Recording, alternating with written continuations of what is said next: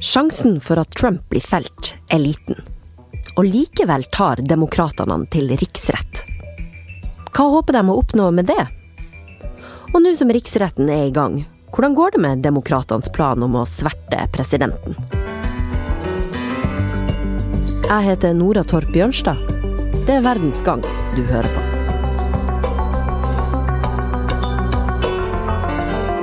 Riksrettssaken mot Donald Trump er i gang. Demokratene har samla anklagene mot Trump i to punkter. Han er anklaga for å ha misbrukt makta i presidentembetet, og for å ha motarbeida etterforskninga i etterkant. Riksrett er den eneste måten man kan fjerne en president på i USA. Ja, bortsett fra det å velge en annen. Sjøl om man har hatt riksrett før, f.eks. mot Bill Clinton i Lewinsky-saken, så er det ingen som har blitt dømt i riksrettssak i USA før. The president's actions are crimes against democracy itself. It cannot be overstated how serious this charge is. Her hører vi lederen for Demokratene, Chuck Schumer, som sier at eh, selve demokratiet står i fare hvis Trump får fortsette å være president. I dag har republikanerne flertall i Senatet, og de er jo naturlig nok lite interessert i å felle en president fra sitt eget parti. En avstemning vil derfor mest sannsynlig resultere i at Trump blir sittende som USAs statsleder. Altså er det en annen motivasjon for demokratene til å ta Trump for riksrett. I Capitol Hill i Washington der er VGs kommentator Per Olav Ødegaard på plass og følger riksrettssaken. Per Olav, når det er så liten sannsynlighet for at man klarer å felle Trump i den saken her, hvorfor gjør demokratene det allikevel? De sier de ikke har noe valg, at de er nødt til å etterforske denne saken fordi den er så alvorlig som den er. Samtidig så er dette klart at, at um, riksrett handler like så mye om politikk som om juss, og egentlig mer om politikk.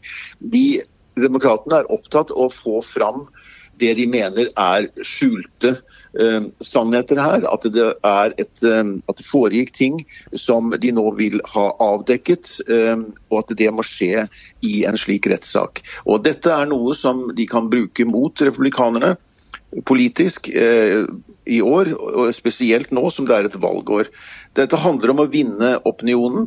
Og vi skal huske på at det har pågått en politisk skyttergravskrig nå i tre år mellom demokratene i Kongressen og Det hvite hus og Donald Trump. Mm. Nå vet vi jo at en avstemning mest sannsynlig vil resultere i at Trump blir sittende, fordi republikanerne har flertall i Senatet. Men så er det jo noen litt uregjerlige republikanere som kan komme til å stemme mot sin egen eh, Trump, Per Olav? Ja, det kan eh, tenkes. Eh, men ikke eh, 20 eh, senatorer, eh, republikanske senatorer som eh, i så fall måtte til for å få to tredjedels flertall. Det er jo en høy terskel for, for, å, få, for å fradømme en president sitt embete. Det kreves to tredjedels flertall. Det, det, kommer ikke til å skje. Men det som kan skje, er at tre, fire, kanskje fem republikanske senatorer kan bryte med partilinjen og eh, kreve at eh, det blir innkalt nye vitner. Eh, da vil denne riksrettsprosessen bli lengre og mer innholdsrik enn det den replikanske ledelsen, altså ved Mitch McConnell, ønsker. Han ønsker en rask hurtig rettssak. Det ønsker også Det hvite hus og Trump.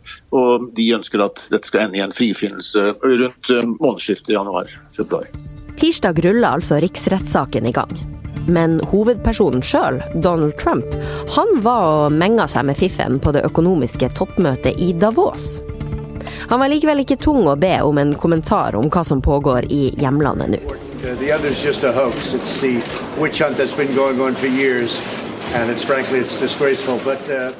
Per Olav, skal ikke president Trump sjøl snakke i riksrettssaken? Eh, presidenten har advokater som representerer seg. Han har jo eh, selv nektet eh, sine nære medarbeidere å stille når, de, når, denne saken ble etterforsket i Representantenes hus. Det hvite hus har bare svart at hvis noen av de skal stille, så må de i så fall få en rettslig kjennelse. Senatet kan jo kreve at han eller andre eh, stiller og forklarer seg, men det er, eh, Så langt så har det ikke skjedd, og det, er litt, og det er ingenting som tyder på at i hvert fall Trump kommer til å gjøre det. Men det kan tenkes at noen av hans nåværende eller tidligere medarbeidere kan bli stevnet inn. Men den veien har det, det vet vi ennå ikke. I første dag av riksretten så holdt republikanerne samlet, holdt seg samlet. De stemte ned alle forslag eh, fra demokratene eh, om å føre nye vitner og legge fram dokumenter. Da holdt de den fronten eh, nesten uten unntak. Hmm. Ja, nå var du jo litt innpå noe av det som skjedde på da, den nesten 13 timer lange første dagen av riksretten. Veldig mye tid ble brukt på nettopp det å bli enige om spillereglene for hvordan saken skal føres. Hva er det de krangler om? Demokratene vil jo da at denne saken skal føres på samme måte som eh, det skjedde da mot Bill Clinton i 1999. Eh, og at det skal legges så tett opp som mulig mot den forrige riksrettssaken. Eh, så har Det hvite hus og også da republikanernes leder Mitch McConnell ønsket en rask prosess. og Demokratene ønsker bedre tid. De vil ha en mer omfattende Eh, rettssak, eh, som inkluderer nye vitner og nye dokumenter eh, og mer tid til debatt. Så måtte da republikanernes leder Mitch McConnell gi seg på Han hadde et opplegg klart, men det var en del av hans egne som syntes det gikk vel fort i svingene. Så han gikk med på at nå partene skulle få tre dager på å legge fram sitt syn. Og Det er dette de nå har diskutert, og det var det som tok så tid. Som tok 13 timer på den første dagen. Hmm. Det, men eh, er man ferdig å diskutere spillereglene nå da, eller vil det fortsette? Nå er, nå er, spillereglene klare. De ble vedtatt uh, klokken to i natt lokal tid. Så lenge har de holdt på. Uh, og da ble de enige. Ja, det kan jo virke som at hele den saken her, som handler om å kaste lys over dårlige ting som Trump angivelig skal ha gjort, er dårlig nytt for republikanerne. Men Mitch McConnell, som er leder da for det republikanske partiet, han har en plan for å styre denne riksrettssaken til republikanernes fordel. Uh, hvordan tenker han at han skal klare det, Per Olav? Alt uh, overordnede vesentlige for uh, Mitch McConnell er å holde sin gruppe samlet. Republikanerne har flertall, som sagt 53 uh, senatorer av 100. og han må holde denne gruppen samlet. Da har han kontroll på denne prosessen. Og han må holde de samlet i hvert fall så lenge som mulig. Det kan være noen som vil bryte ut senere, men det kan ikke være for mange. Da mister han kontroll over denne prosessen. og han klarte det han er en erfaren strateg, eh, McConnell. Han kan dette spillet. Og han, holdt, han ga noen eh, innrømmelser i går ved å endre litt på spillereglene, så de kom litt nærmere det som moderate republikanere og demokrater ønsket. Men, men, det kostet han ikke så mye. Og han har klart å holde denne gruppen samlet da. Um, og det er, helt, det er, det som er nøkkelen her. Og de vil si at um, Demokratene har gjort en for dårlig jobb med å granske denne saken, at ikke denne tiltalen holder, og at presidenten er uskyldig. Forrige uke så kom avsløringa om at Trump var fullt informert om planen om å grave opp skitt på demokratenes Joe Bidens sønn i Ukraina. Uh, President Trump knew exactly what was going on. Uh, he was aware of all my movements. Uh, he, I wouldn't do anything without the consent of Rudy Giuliani or the president. Denne bekreftelsen den kom fra Lev Parnas, som er høyre hånd til Trumps personlige advokat. I have no intent, I have no reason to speak to any of these officials. I mean, they have no reason to speak to me. Why would President Zelensky's inner circle or Minister Avakov or all these people or President Poroshenko meet with me? Who am I? They were told to meet with me, and uh, that's the secret that they're trying to keep. Kommer da han her Lev Parnas, som kom med de nye bevisene mot Trump, til sjøl å vitne i riksrettssaken, eh, Per Olav? Nei, ingenting tyder på det. Uh, og da uh, burde i så fall Rudy Giuliani, som da også er den personlige advokaten til, til Trump, vitne. Han var jo en nøkkelperson i denne kampanjen i forhold til til Ukraina. Eh, og eh, han eh, vet jo alt om det som har foregått i den saken. Men han har ikke ønsket å vitne, og, han er heller ikke blitt da stevnet for retten for å, å måtte vitne. Og Trump ønsker ikke at han snakker. Så jeg tror ingenting av dette kommer til å skje. Den, den avsløringen som kom i forrige uke, tjener jo til å styrke demokratenes sak og påtalemyndigheten, om du vil.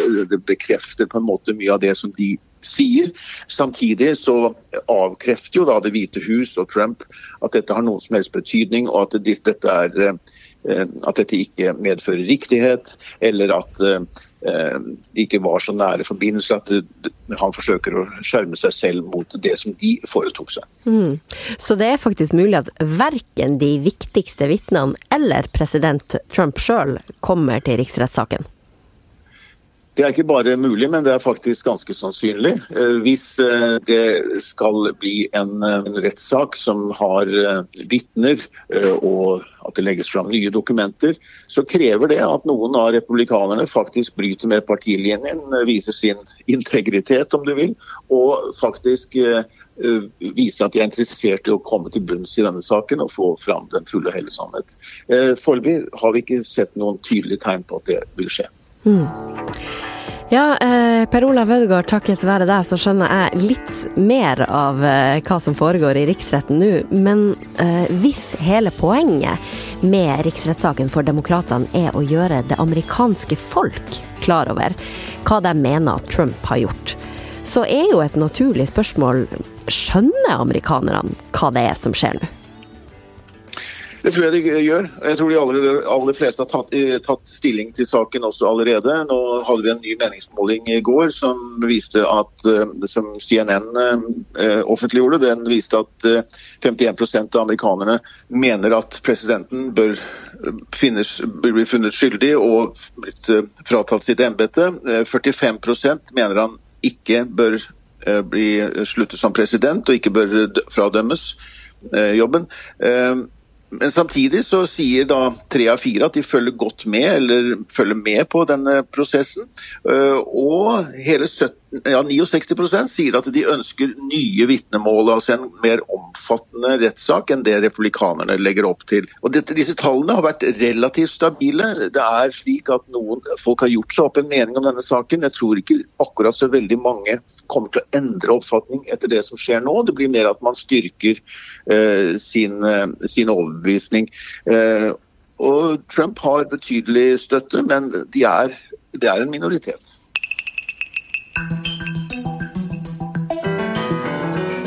Du har hørt en episode av podkasten Verdens gang, som lages av Tor Erling Tømt Ruud, Emilie Hall Torp, Kristine Hellesland og meg, som heter Nora Torp Bjørnstad. Magne Antonsen er teknisk produsent. Likte du det du hørte, så trykk gjerne på abonner-knappen. Faste lyttere er det beste vi vet.